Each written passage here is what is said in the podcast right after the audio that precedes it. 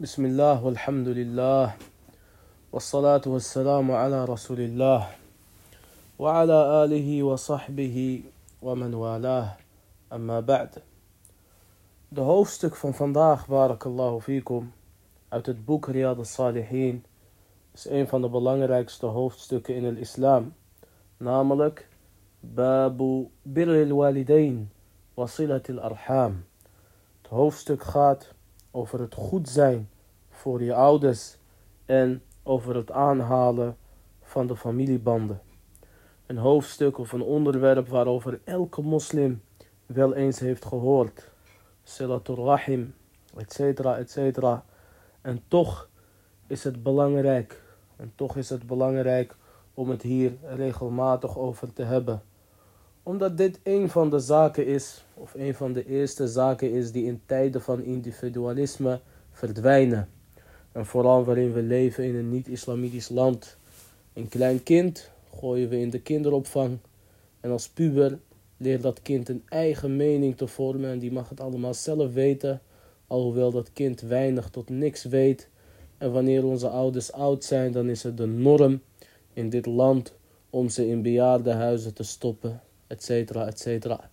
Dus voor Silat Rahim is er weinig tijd, al gaat het om je eigen ouders, laat staan om de rest van de familieleden. Wetende dat het aanhalen van je familiebanden met name je ouders, een van de grootste en makkelijkste redenen is om naar het paradijs te gaan. En dat het verbreken van deze familiebanden een van de grootste en ergste redenen is om naar het helle vuur te gaan. Niet alleen het helle vuur, maar diep in het helle vuur. billah. Niet voor niets noemt Allah het goed zijn tegen de ouders direct na de tawhid in de Koran al zijn hun kuffar, terwijl de islam een duidelijk standpunt inneemt tegen de kuffar. Lakum dinukum waliyadin. Jullie hebben jullie religie en wij hebben onze religie. Kijk met kerst, je mag een kafir niet feliciteren. Kijk met nieuwjaar, je mag niet meedoen. De profeet sallam zegt, men tashabbaha biqawmin fahuwa minhum. Wie meedoet met een volk of wie een volk imiteert, die behoort tot hun. Dus de regels zijn duidelijk. Wij doen de kofar niet naar eigen identiteit, et cetera, En wanneer iemand echt een vijand is van Allah, dan, dan blokkeren we, dan boycotten we diegene ook, et cetera. Dat zijn heel veel regels. Behalve bij je ouders. Als het je ouders zijn, subhanallah in de islam, al zouden ze Allah dag en nacht uitschelden, dan nog verbreek je het contact niet. Want dit is gebeurd in de tijd van de Sahaba. Abu Hurairah radiyallahu anh, toen hij moslim werd, zijn moeder radiyallahu anha, want uiteindelijk is zij ook moslima geworden. Zij zou de profeet sallallahu alayhi wasallam uitschelden. En dit deed hem pijn. En hij kwam huilend naar de profeet sallallahu alayhi wasallam. En hij zei, ja Rasulallah, verricht dua voor haar. En de profeet sallallahu had dat ook gedaan. En uiteindelijk, alhamdulillah, is de dua van de profeet geaccepteerd. En zijn moeder is een grote sahabiya geworden. Maar waar het om gaat, is dat ondanks dat zij de profeet zou beledigen en de islam zou beledigen, Abu Huraira die bleef goed tegen haar. Waarom? Dit heeft Abu Huraira geleerd van de profeet sallallahu alayhi wasallam en dit heeft Abu Huraira geleerd van de Koran. Dus de ouders, als zijn hun vijanden van Allah, dan nog blijven ze een bepaalde positie hebben in de islam. Laat staan wanneer het hele vriendelijke mensen zijn. Laat, laat staan wanneer het mensen zijn die geen moslim zijn, maar jou als bekeerling de ruimte geven om je religie te praktiseren. Laat staan wanneer zij zelf moslim zijn. Laat staan wanneer zij zelf de sunnah van de profeet sallam proberen te volgen, etcetera, etcetera. Wallahi, het recht van onze ouders is groot. En hoe meer zij de islam praktiseren, des te groter dit recht alleen maar wordt. Allah Azza wa Jal zegt in de Koran... واعبدوا الله ولا تشركوا به شيئا وبالوالدين إحسانا Aanbid Allah en ken geen deelgenoten aan hem toe. En wees goed voor je ouders. Gelijk. Tawhid, nummer 1. Nummer 2. Wees goed voor je ouders. En Allah Azza wa Jal, die zegt in de Koran... وقضى ربك ألا تعبدوا إلا إياه وبالوالدين إحسانا. فير توحيد أن دان خود تيخي أودرس إما يبلغن عندك الكبر أحدهما أو كلاهما. أس أين فان هن أو تفي أو هن ألباي دي ورد بيارت بيارو فلا تقول لهما أوف. نيت أين زخو أوف. نيت أين زخت ولا تنهرهما. خاوك نيت سو ميتش هانز فاير فان أوف إك بن يولي زات أوف wat irritant of wat vervelend en wat vragen jullie veel, et cetera. وقل لهما قولا كريما. En zeg tegen hun een edele woord, een zacht woord. Naam al-walid, is goed al-walida. Inshallah, ja vader, nee vader, komt goed moeder. Inshallah, wat jij wil. Als jij dat wil, dan doen we dat. Liberty, huwalikun, taib is goed. Gewoon alleen zachte woordjes. Al wil je niet, al haat je het, al kan je het niet. al heb je er geen tijd voor, al heb je andere plannen, je zegt gewoon iets goeds. En je vader ziet heus wel en je moeder ziet heus wel wat je echt wil en wat je echt niet wil. En wat je kan en wat je niet kan. Lijken jij moet altijd en ik moet altijd en wij allemaal altijd een zacht woord. En dat is niet makkelijk, maar dat is wel de opdracht van Allah Azawajal. Waghfid lahuma janah dhulli min rahma. Je moet genadig tegenover hun zijn. Vooral wanneer ze bejaard zijn. وَقُلْ رَبِّ ارْحَمْهُمَا كَمَا رَبَّيَانِ صَغِيرًا En je moet ook nog eens dua voor hun verrichten. En zeg, oh Allah, wees genadig voor hen. Net als hoe ze mij hebben opgevoed toen ik klein was. Toen jij een baby was, toen ik een baby was, beste broeders en zusters. Je was totaal afhankelijk van je ouders. Eten kwam direct uit het lichaam van je moeder. Je vader heeft je geholpen, heeft je gebracht naar school, heen en weer. Slapeloze nachten. Je was totaal afhankelijk. Als ze jou in de steek hadden gelaten, was je gestorven en niemand had er ooit wat van gemerkt. Je nu hun oud zijn, nu zijn zij van jou afhankelijk. En nu is het jouw beurt om goed voor hun te verzorgen. En het plaatsen van de ouders in bejaardentehuizen, et cetera, daar valt goed verzorgen niet onder. Wallahi, degene die in staat is om voor zijn ouders te zorgen en hij plaatsen in het bejaardentehuis, dat is een slecht persoon tegenover zijn ouders. En subhanallah, in Nederland heb je financiële compensatie. Wanneer jij je ouders verzorgt en hiervoor niet kan werken, je krijgt gewoon een goed salaris. En met sommigen heb ik hierover gesproken in de afgelopen jaren. En dan zeggen ze van ja, maar stel je voor mijn ouders komen te overlijden, dan heb ik een gat in mijn cv.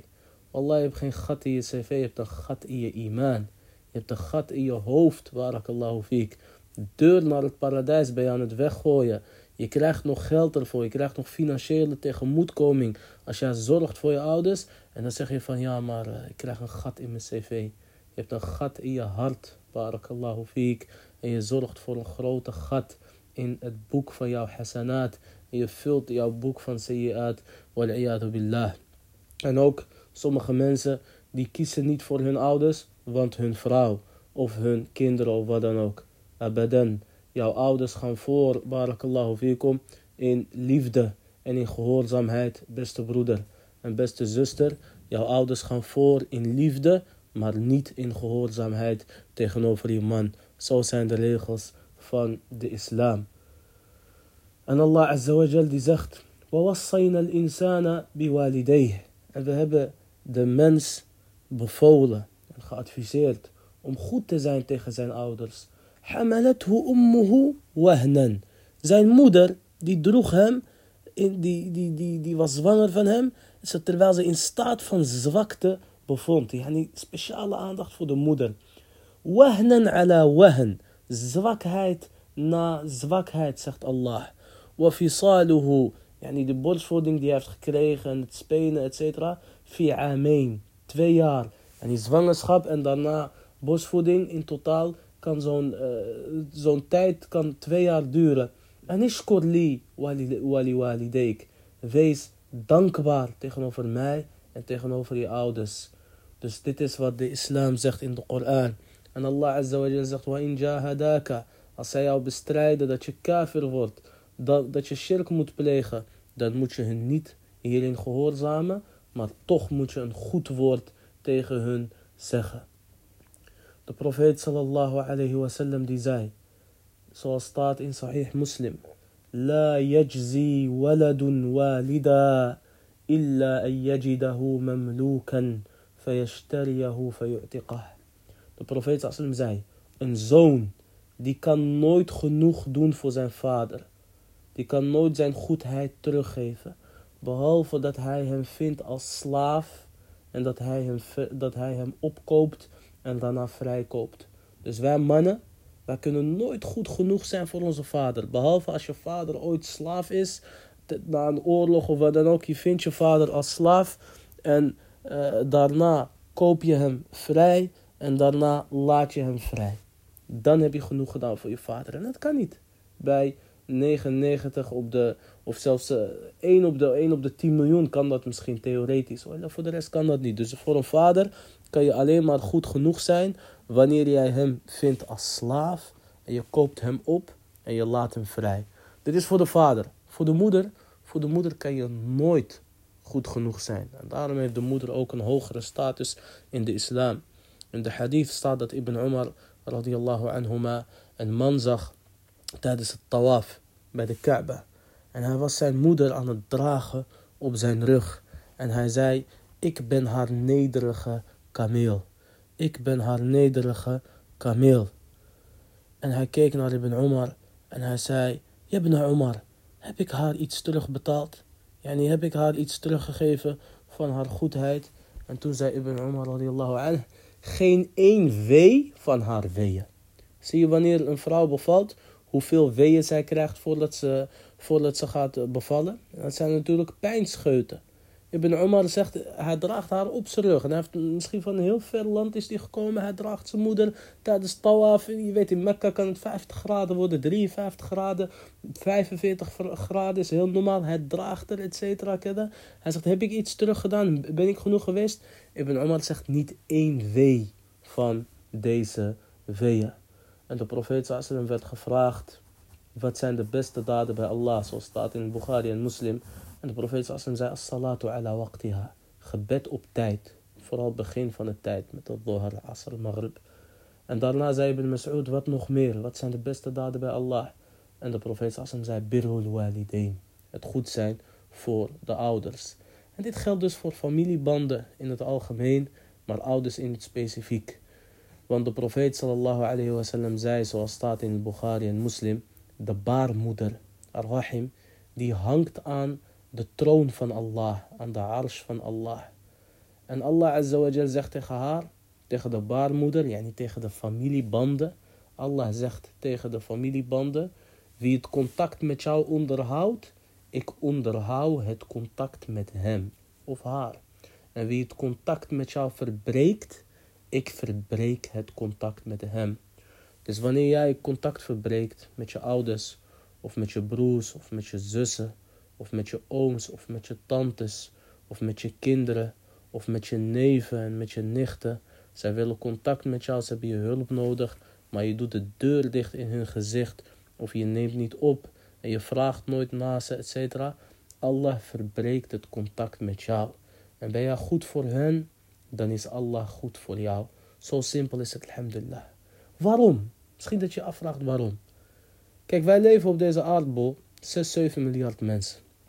Deze mensen, die bestaan uit volkeren en uit stammen. je hebt Marokkanen, je hebt Turken, Surinamers, Nederlanders, etc. Binnen elk volk heb je een stam. laten we zeggen wij Marokkanen. Je hebt de, Berbers, je hebt de Arabieren, je hebt de, deze stam, die stam, Nador, Husima, Tanger. Dit was allemaal geen probleem, het is allemaal mooi. In Nederland, je hebt de Friese, je hebt de Brabanders, je hebt de Tukkers, etc. Dat is allemaal geen probleem. Maar binnen deze stammen heb je families. Je hebt familie die, familie die, is grote familie, die is kleine familie, etc. Wij als familie, we moeten voor elkaar opkomen. Want je kan niet verwachten dat jouw probleem iedereen's probleem is. Mensen hebben ook hun eigen problemen. Landen hebben hun eigen problemen. Stammen hebben hun eigen problemen. Volkeren hebben hun eigen problemen. Iedereen heeft zijn issues. Zo heeft Allah Azawajal ons geschapen. Maar wanneer wij als gezinnen naar elkaar kijken, in de simpele dagelijkse zaken, en als familie naar elkaar kijken, in de belangrijke zaken, en als stam naar elkaar kijken, in nog grotere moeilijke zaken, en als volk naar elkaar kijken, in de grote zaken, en als umma, als islamitische umma naar elkaar kijken, in de allergrootste zaken van A tot Z, tot aan de meest simpele zaken, dan gaat het goed.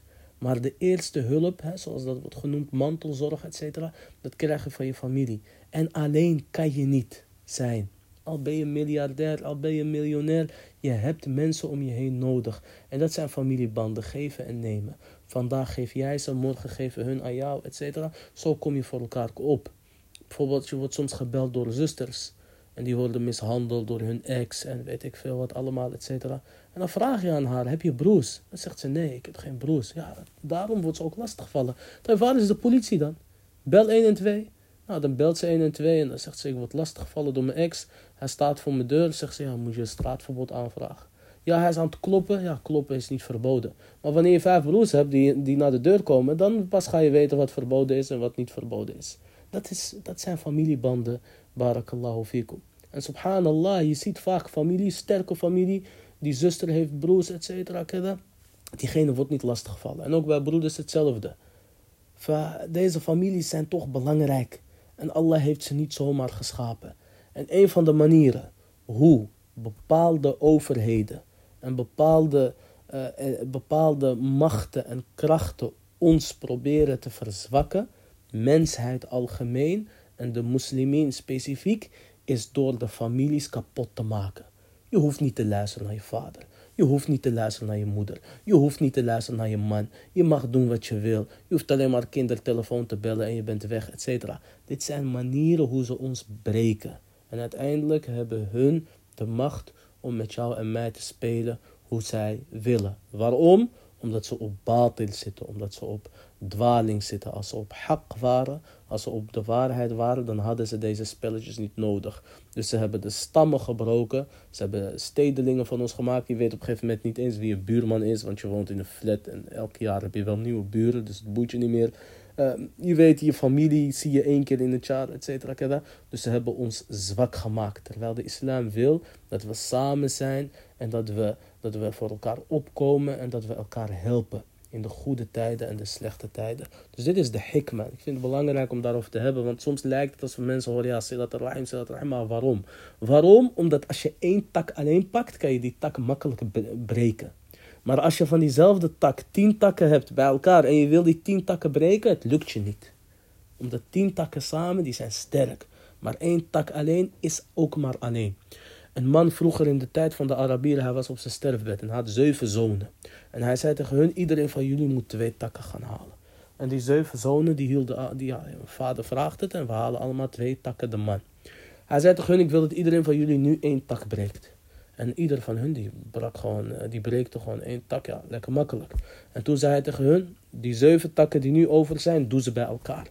En hij zei tegen zijn zeven zonen, breek nu die zeven takken samen, probeer maar, ons de beurt. Niemand van hun kon die zeven takken samen breken. En toen zei deze vader tegen hun, deze wijze Arabische man, hij zei, zo zijn jullie als jullie alleen zijn. Zo zijn jullie als jullie alleen zijn, net als die tak die makkelijk te breken is. En wanneer jullie samen zijn, elkaar vasthouden, elkaar omhoog tillen, etc. Niemand kan jullie breken, want dan zijn jullie samen. Dan begrijp je, barakallahu fikum, waarom familiebanden belangrijk zijn. En natuurlijk, de een gaat meer investeren dan de ander. De een wat meer financieel, de ander wat meer met zijn tijd, de andere wat meer met zijn liefde. Maar zo waren onze ouders ook. Die hebben ook alles gegeven, walillahi alhamd. En het creëert een sneeuwbaleffect.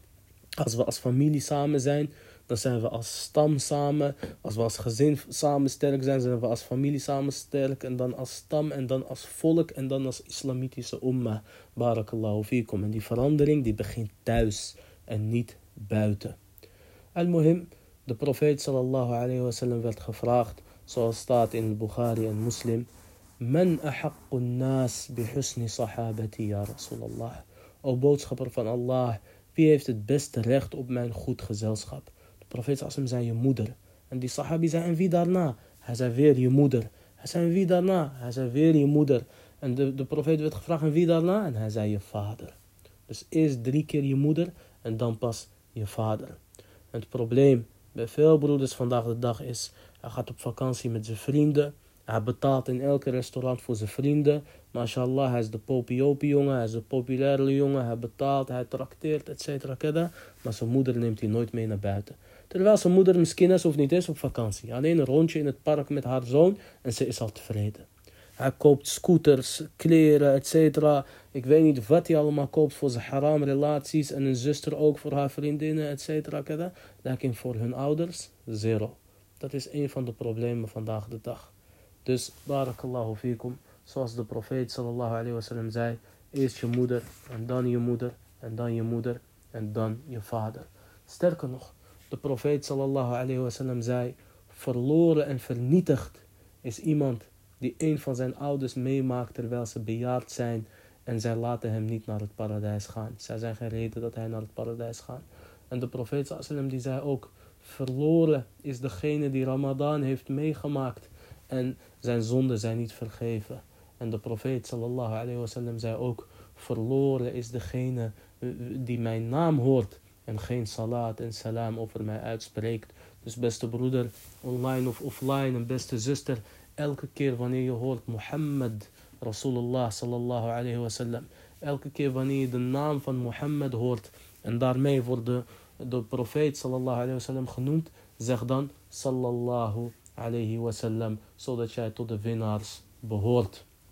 En de profeet sallallahu werd gevraagd over iemand die goed is voor zijn familiebanden. Maar zij zijn slecht tegen hem. Dat heb je ook soms. Je bent goed voor ze één keer, twee keer, drie keer, maar je ziet geen reactie. Of nog erger, ze steken je in je rug en ze praten en ze roddelen, et cetera.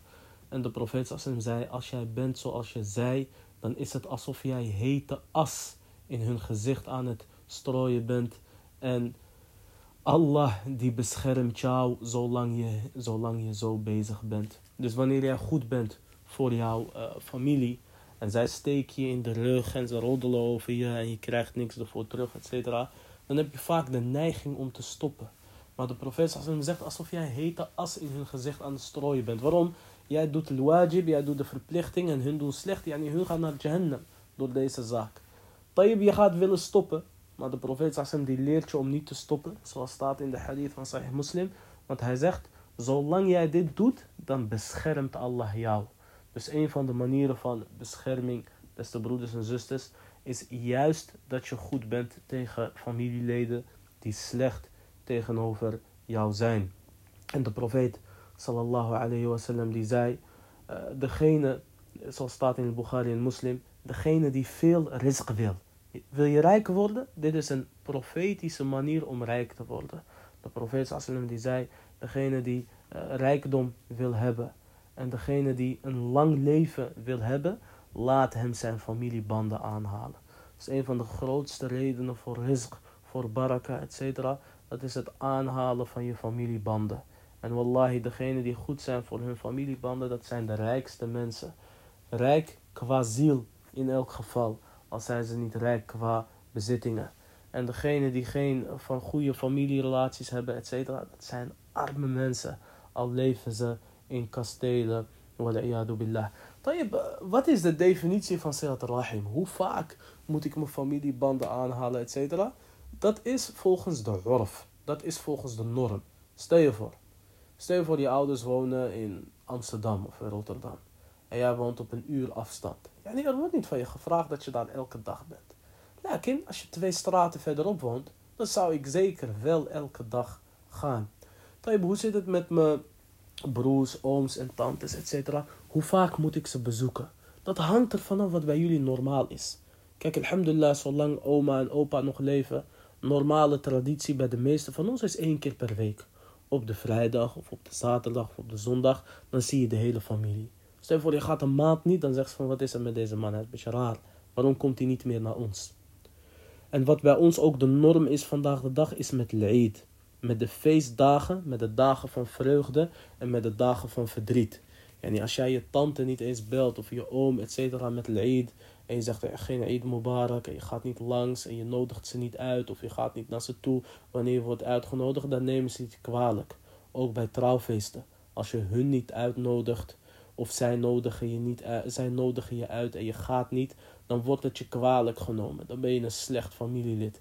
En bij dagen van verdriet, wanneer je tante is overleden of iemand van haar familie of van je oom of wat dan ook en je gaat niet condoleren, je bent niet aanwezig bij de janaza, etc., dan heb je je familiebanden verbroken als je geen reden hebt. Dus in de islam bestaat er niet zoiets als het moet één keer per week of wat dan ook, maar je voelt het een beetje aan. Wat is normaal? Dat hangt er vanaf van je familie, dat hangt van de afstand af, et cetera. Alhamdulillah, een van de vormen van Silat Rahim is telefoneren. Via de WhatsApp, bellen, videobellen, etc. En dan kan je ook familiebanden onderhouden met uh, familie die buiten jouw land is. En bijvoorbeeld je familieleden in Marokko of in Turkije. Als je op vakantie bent geweest en je gaat niet langs, dan vinden ze het erg. Terwijl als je vier jaar lang niet op vakantie bent geweest naar je moederland of je vaderland, dan vinden ze het meestal uh, niet eens zo erg. Want dan begrijpen ze, je bent druk bezig of je hebt het niet. Dus je moet het een beetje aanvoelen. Familiebanden onderhouden is uh, door middel van bezoek, uh, door middel van een goed maaltijd, door middel van hun uit te nodigen en door middel van hun te helpen waar nodig. Of het nou financieel is of door middel van je kennis of wat dan ook. Help elkaar waar nodig, barakallahu fikum. En het geven van een cadeau aan je familieleden, dat is ook een vorm van silat rahim. En het onderhouden van je familiebanden, dat geeft je dus meer rijkdom en dat geeft je een langer leven. Dus let daarop, barakallahu fikum. Een man die kwam naar de profeet sallallahu alayhi wasallam, zoals staat in, uh, in Bukhari en Muslim. En hij zei, ja Rasulallah, ik ben naar jou toegekomen om een hijra te verrichten en om een jihad met jou te verrichten. Om met jou te gaan strijden en vechten omwille van Allah. En toen zei de profeet sallam, leven een van jouw ouders? En hij zei, ja Rasulallah, ze leven allebei. En toen zei de profeet sallam tegen hem, Fatabtagil ajra min Allah ta'ala? Wil je echt beloning van Allah de verhevene? En hij zei ja. En toen zei de profeet sallam, Farji' ila suhbatahuma. Hij zei, ga terug naar je ouders en ga goed met hun om. Als je echt al ajr wil, je hoeft niet bij mij te zijn, je hoeft geen jihad met mij te voeren. Ga naar je ouders en wees goed voor je ouders. Vooral wanneer je enigst kind bent, of de enige zoon, of de oudste zoon van jou wordt verwacht dat je met je ouders bent. En in een andere riwaya zei de profeet sallallahu alayhi wasallam, Ahayyun walidaak, leven jouw beide ouders? En diegene zei ja. En toen zei de profeet sallallahu alayhi wasallam, fajahid. Strijd door middel van goed tegen hun te zijn. Dit is al jihad. En niet van die idioten vandaag de dag die afgelopen jaren naar Syrië en Irak etc. zijn vertrokken. Zonder afscheid te nemen van hun ouders. Gewoon in de hols van de nacht zijn ze vertrokken. Ja Allah zit, bismillah, ik wil naar de Jannah. Wat is de makkelijkste manier? Knopje drukken en jezelf opblazen. Wat voor jihad is dit? Als je een simpele hadith had begrepen. Als je een basis boek had gelezen over Ahadith Riyad al-Salihin, dan zal je weten, je ouders leven, jouw jihad is dat je goed bent tegenover je ouders. Zelfs als er een echte jihad is, dan zeggen de geleerden, je hebt de toestemming nodig van je ouders. In een andere hadith staat dat de profeet sallallahu alayhi wasallam, een man tegen hem zei, ja Rasulullah, ik ben naar jou toegekomen om samen met jou te strijden, etc. En ik heb mijn ouders huilend achtergelaten. En hij dacht, ik heb een goede daad gedaan, een stoere daad. Ik heb mijn uh, ouders huilend achtergelaten. En toen zei de profeet sallallahu alayhi wasallam, ga terug naar jouw ouders en laat hun lachen zoals jij hun hebt laten huilen. Dit is de sunnah van de profeet sallallahu alayhi wasallam. Lakin, shaitan die speelt met dit soort mensen. En die maakt hun wijs van ja, dit gaat om de vrijwillige jihad en niet om de verplichte jihad. Tayyip, die verplichte jihad, wie uh, roept die uit? Dat is de leider van de moslims die bekend is en die de bay'a heeft gekregen van de moslims, etc. Niet, iedereen, niet iemand die uit de grot aan het roepen is, uit Torah Bora of uit weet ik veel wat, en die totaal onbekend is en tot de Khawarij behoort. Lakin, subhanallah, een shaitan die bedenkt en die vindt steeds manieren om met de mensen te spelen. Wal'iyadu billah. En ook toen uh, Caesar uh, vroeg aan Abu Sufyan van wat zijn de bevelen van Mohammed. En Abu Sufyan radiallahu anhu, die was toen nog een mushrik. Hij zei, hij beveelt ons om Allah alleen te aanbidden. En om afgoderij te verlaten. En hij beveelt ons om te bidden, salat. En om sadaqa te geven. En om kuis te zijn, dus geen zinnen te verrichten. En om de familiebanden aan te halen. Dus dit was echt een van de pilaren van de islam. En Zainab radiallahu anha, al-Thaqafiyah, de vrouw van Abdullah bin Mas'ud, die hoorde de profeet sallam zeggen, geef sadaqa o vrouwen. Al geven jullie iets van jullie sieraden weg. En zij ging terug naar haar man, Abdullah bin Mas'ud. En zij zei, je bent niet zo rijk. En de profeet heeft gezegd dat we sadaqa moeten geven. Dus ga naar hem toe en vraag mogen we aan jou, mag ik aan jou mijn sadaqa geven? Is dat geldig? En Abdullah bin Mas'ud zei, vraag dat maar zelf. En zij ging naar de deur van de profeet. Dat was een andere sahabiya die ook dezelfde vraag had. En zij lieten Bilal radiallahu anh deze vrouw, uh, deze vraag stellen aan de profeet sallam. En toen zei de profeet sallam, je hebt twee beloningen. Eentje van de sadaqa en eentje omdat je je familiebanden hebt aangehaald.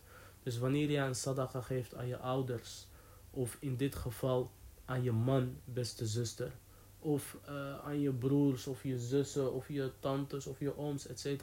Je hebt een dubbele beloning. Eén keer omdat het gewoon een sadaqa is, en tweede keer omdat je je familiebanden hebt uh, aangehaald. Sterker nog, een sadaqa geven aan je ouders kan niet eens, volgens de meerderheid van de geleerden. Het kan niet zo zijn dat jouw ouders arm zijn en jij bent rijk. Dat je zakat aan hun geeft of wat dan ook. Want wanneer jouw ouders hulp nodig hebben, dan moet jij hun blijven geven. Totdat zij rijk zijn of totdat jij arm bent geworden. Lekker aan je man kan je geven als vrouw zijnde. Aan je broers, aan je zussen, aan je ooms, aan je tantes, neven en nichten, etc. Wanneer ze hulp nodig hebben. En dan is dat een sadaqa. En dan is dat ook silat rahim. Dus let hierop. Barakallahu fikum. En de profeet sallallahu alayhi wasallam die zei ook, zoals staat in Sahih Muslim tegen Quraysh. Hij zei, hij riep zijn familie en hij zei, red jullie zelf van het vuur.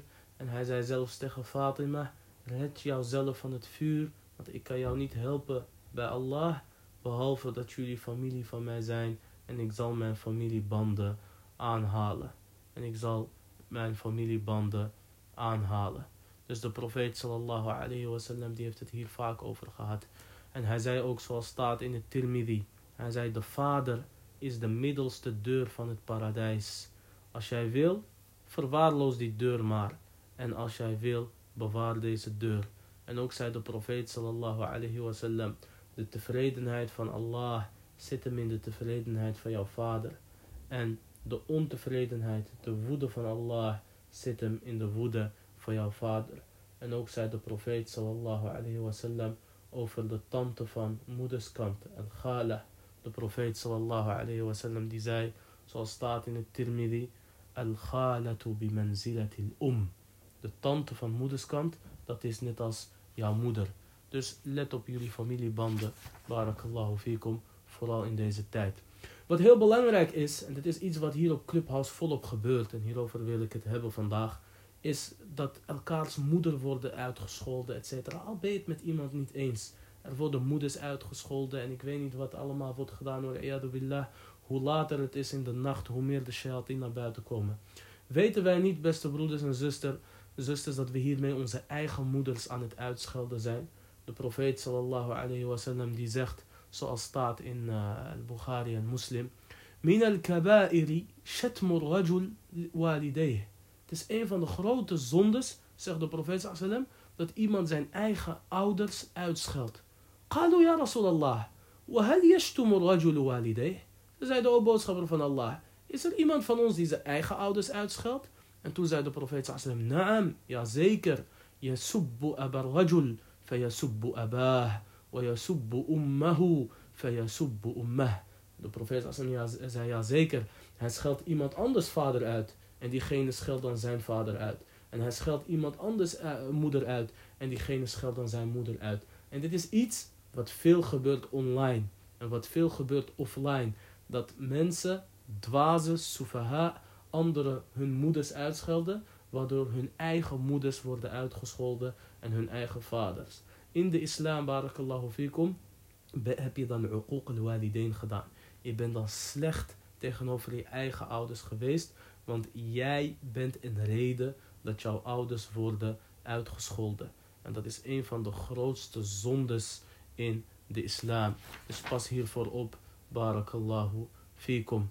En ook zei de profeet sallallahu alayhi wasallam dat mensen, net als Juraj alayhi salam, die waren beproefd omdat ze niet luisterden naar hun moeder terwijl ze een nafila aan het bidden waren. Dus wanneer onze ouders ons roepen, barakallahu fikum, dan moeten wij gehoorzamen, al zitten wij in een vrijwillig gebed. Type, stel je voor, je ouders zijn overleden. Hoe kan je goed tegenover hun zijn na hun dood? Op een aantal manieren. En de meeste manieren zijn bekend. Dua, sadaqa jariya, hajj, umrah, etc. Dat is bekend. Maar wisten jullie, barakallahu fikum, dat een van de manieren hoe je goed kan zijn tegenover je ouders na hun dood, dat is om ook goed te zijn voor hun vrienden.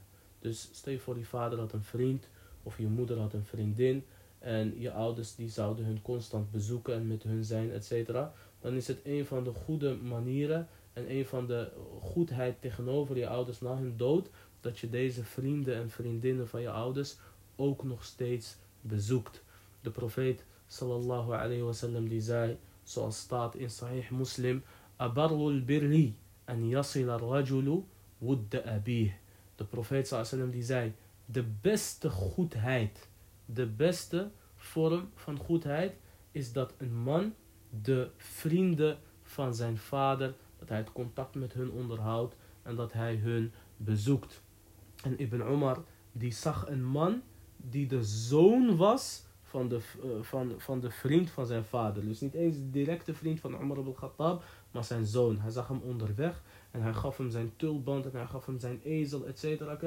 En toen zei een van, de, van zijn vrienden van, van Ibn Umar, hij zei, Ibn Umar, het is een, het is een Bedouine. Iets minder dan dit had hem ook wel tevreden gesteld. En toen zei Ibn Umar, ja, maar deze man, zijn vader, was een vriend van mijn vader Umar ibn Khattab. En ik heb de profeet sallallahu alayhi wasallam horen zeggen, een van de beste manieren van goedheid uh, is dat jij goed bent tegen de familie van de vriend van jouw vader. Dus niet alleen de vrienden van jouw vader, maar ook zijn familie. En je vergeet die goedheden niet. In de islam, barakallahu fikum, loyaliteit is een groot goed.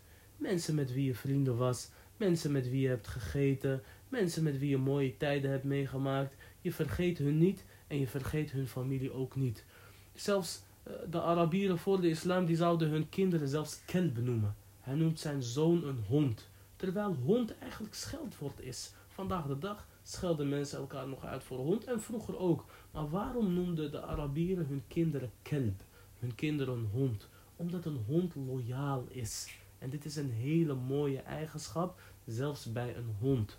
Dus wees loyaal, barakallahu fikum. En wees niet viezer en erger dan een hond. Want zelfs een hond is ontzettend loyaal, barakallahu fikum. Dat is een van de loyaliteitsvormen in de islam. En een van de goedheden tegenover jouw ouders nadat ze zijn overleden, is dat je goed bent voor hun vrienden en voor hun familie en voor de mensen die hun lief hadden en hun families. En ook bij je vrouw of bij je man. De profeet sallallahu alayhi die zou, die zou soms een schaap slachten en hij zou dat vlees verdelen onder de vriendinnen van Khadija anha na de dood van Khadija radiyallahu anha. En de profeet sallallahu alayhi die werd gevraagd door een man van Banu Salama. En hij zei, ja Rasulallah, uh, mijn uh, vader, uh, mijn ouders die zijn overleden. Kan ik nog goed voor hun zijn na hun dood? En toen zei de profeet sallam, ja zeker, door middel van dua voor hun te verrichten. En vergiffenis voor hun te vragen. En hun beloftes te, te vervolmaken. En door de familiebanden via hun, die, die je hebt via hun, te aan te, aan te halen. En door hun vrienden te eren. Dus had jouw vader een vriend en had jouw moeder een vriendin, wees dan goed tegen hun na de dood van je ouders. En laat staan tijdens het leven van je ouders. Dus dit zijn allemaal islamitische normen en waarden. Let hierop. Barakallahu fikum. En een van de manieren van de islam en een van de belangrijke zaken in de sunnah is dat we goed zijn voor de familie van de profeet sallallahu alayhi wasallam en voor de afstammelingen van de profeet sallallahu alayhi wasallam en zij staan bekend als Ahlul Bayt ridwanullahi alayhim en wij verrichten dua voor hun tijdens elk gebed in het tashahhud, in het tahiyyat zeggen wij Allahumma salli ala Muhammad wa ala ali Muhammad o Allah uh, prijs uh, Mohammed en de familie van Mohammed. En we zeggen, oh Allah, zegen Mohammed en de familie van Mohammed. Dit zijn Ahlul Bayt. Dus wanneer iemand een directe afstammeling is van de profeet of van de familie van de profeet sallallahu alayhi wasallam, dan is diegene niet heilig of zo, maar diegene verdient wel respect vanwege dit punt. Wij houden van hem of van haar omdat zij afstammen van onze lieveling Mohammed sallallahu alayhi wasallam. Alleen dat moet wel een uh, correcte afstammeling zijn, want heel veel mensen die liegen hierover, met name de Shia en met name de Sofia, bij hun kan een sheikh nooit groot worden bijna, behalve als zij zeggen dat ze afstammen van de familie van de profeet sallallahu alayhi wasallam. Dus hierop, hierin moet je wel een beetje oppassen. En de familie van de profeet sallallahu alayhi wasallam, die hebben een nasab, die hebben een directe bloedlijn naar de profeet of naar zijn familie. En de geleerden die uh, weten dat. En de profeet sallallahu die heeft van ons gevraagd om goed te zijn tegen zijn uh, familie. En hij zei sallallahu alayhi wasallam in een khutbah van hem. Hij zei, ik, ik ben een mens en ik zal bijna sterven. En ik heb twee zaken bij jullie achtergelaten. Als jullie die vastpakken, dan zullen jullie niet uh, dwalen. En hij zei dus de Koran. En hij zei de sunnah, zijn sunnah sallallahu alayhi wasallam. En de profeet sallam zei ook, wa ahlu bayti. Udhakkirukumullah fi ahli bayti. Udhakkirukumullah fi ahli bayti. De profeet sallam die zei, en mijn familie. Ik, uh, ik vraag jullie bij Allah om goed te zijn tegen mijn familie. Ik vraag jullie bij Allah om goed te zijn bij mijn familie. De familie van de profeet sallam, dat zijn Banu Hashim en Banu Muttalib. Dus Ali radiallahu anhu en Al-Abbas en Al-Hassan en Al-Hussein en Fatima etc. En de familie van de profeet dat zijn ook zijn vrouwen. Aisha radiallahu anha, uh, Maimuna, uh, Um Habiba etc. Dus wij houden van hun omwille van Allah azawajal. En wij houden van iedereen die afstamt van de profeet sallallahu alayhi wasallam en van zijn familie.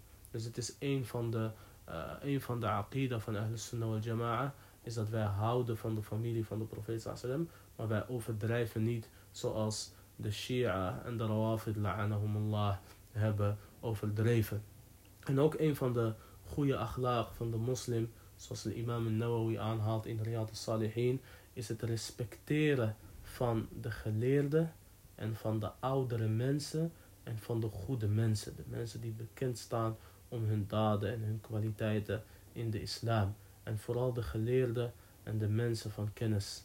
Allah Azza wa Jal zegt in de Koran in Surah al-Zumar قل هل يستوي الذين يعلمون والذين لا يعلمون Zeg, zijn degenen die weten degene die kennis hebben en degene die niet weten, degene die onwetend zijn, gelijk? Maar zonder twijfel zijn ze niet gelijk.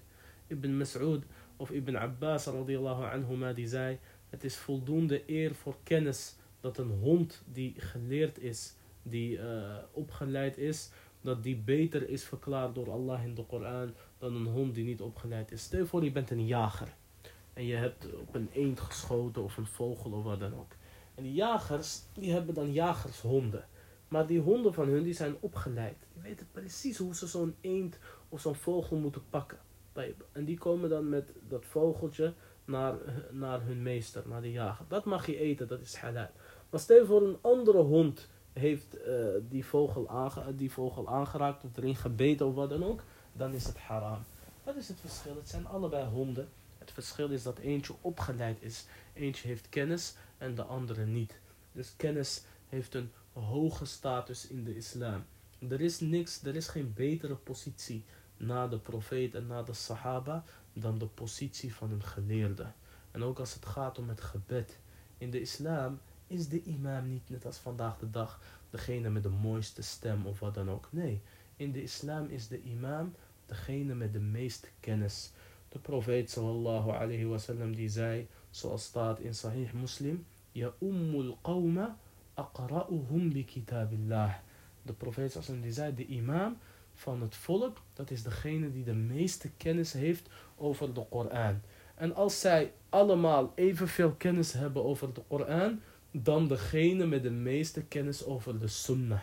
En als zij allemaal evenveel kennis hebben over de sunnah, dan degene die als eerste van hun hijra heeft verricht. Degene die als eerste van hun bekeerd was en hijra heeft verricht.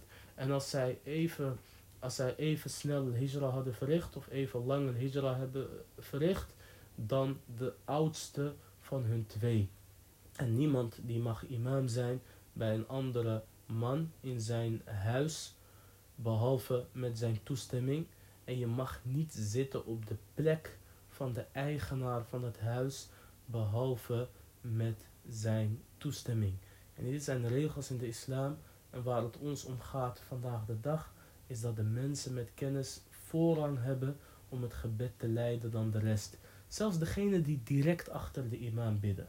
Kijk, het willen bidden in de eerste rij van het gebed, beste broeders, voor de broeders de eerste rij en voor de vrouwen de laatste rij, dat is iets heel goeds, hè, eerste rij. Maar als je geen kennis hebt, ga helemaal naar rechts of helemaal naar links. Ga niet direct achter de imam bidden terwijl je geen kennis hebt. Want stel voor de imam, uh, zijn gebed is verbroken, zijn wudu is verbroken, of hij maakt simpelweg een fout. Je hebt geen kennis, hoe ga je hem corrigeren? Dus de plekken direct achter de imam, die twee, drie plekken, dat zijn echt voor de mensen van kennis. De profeet sallallahu alayhi wasallam die zei, zoals staat in uh, Sahih Muslim, hij zei, stawu wa la takhtalifu fa qulubukum. Maak de rijen recht en heb geen meningsverschil, zodat jullie, want anders zullen jullie harten verschillen. Liyalini minkum ulul ahlami wa nuha. De profeet sallallahu zei, uh, degene met verstand en de volwassen mensen, die moeten achter mij bidden. Dus kleine kinderen zijn welkom in de moskee, maar niet direct achter de imam. Volwassen mensen zijn welkom in de moskee, maar als je geen kennis hebt, moet je niet direct achter de imam bidden. Direct achter de imam, dat is de positie voor de beste mensen van de moskee en de studenten van kennis en de geleerden. En daarom zie je ook dat wanneer er ergens een geleerde is op bezoek, et cetera. En als, als hij niet de imam is, dan laten ze hem direct achter de imam bidden. Dat is een sunnah van de profeet sallallahu alayhi wasallam. En ook zei de profeet sallam over de moskeeën. Wa wa heishat al-aswaq. Yani, pas op voor de markttaferelen in de moskee. De moskee is geen plek om de stemmen te verheffen. De moskee is geen plek om te schreeuwen. De moskee is geen plek om ruzie te maken, etcetera, etcetera. Daar is de moskee allemaal niet voor. De moskee is een plek om Allah azawajal te aanbidden. Barakallahu fikum. Dus degenen die groot zijn in leeftijd of groot zijn in kennis, die hebben allemaal een positie in de islam. En de grootste positie, dat is voor onze ouders. Barakallahu fikum. En misschien de belangrijkste les van vandaag, want iedereen weet dat je goed moet zijn tegen je ouders. Maar misschien de belangrijkste les voor vandaag, vooral voor de online luisteraars, is scheld je eigen ouders niet uit. En dat is een van de grootste zondes. En de sahaba die zeiden, ja Rasulallah, hoe kan iemand zijn eigen ouders uitschelden? En toen zei de profeet sallallahu alayhi wasallam, diegene scheldt iemands anders ouders uit, waardoor zijn eigen ouders worden uitgescholden. Dus pas hiervoor op, barakallahu fikum. En maak gebruik van het feit dat jouw ouders nog leven. En wees goed voor hen. En koop een cadeau voor hen. Wallahi, elke euro die je aan hun hebt uitgegeven is geen euro te veel. En morgen als iemand van hun overleden is of zij allebei, dan zul je enorme spijt krijgen. Maar spijt heeft dan geen zin. Vraag het maar aan degene die jou voor is gegaan. Als je ouders zijn overleden, verricht voor hun hajj en umrah. Nadat je dat voor jezelf hebt gedaan, graaf voor hun een put. Geef af en toe een sadaqah met de intentie dat het voor je ouders is, etc. Al deze dingen die helpen hun in hun graf, barakallahu fikum. En haal je familiebanden aan en wees niet net als de kuffar die hun familiebanden hebben verbroken. Dit was de les van vandaag. Morgen om half tien inshallah een open room. Nuttige vragen kunnen eventueel alvast ingezonden worden. هذا والله أعلم وصلى الله وسلم على نبينا محمد وعلى آله وصحبه أجمعين وآخر دعوانا أن الحمد لله رب العالمين والسلام عليكم ورحمة الله وبركاته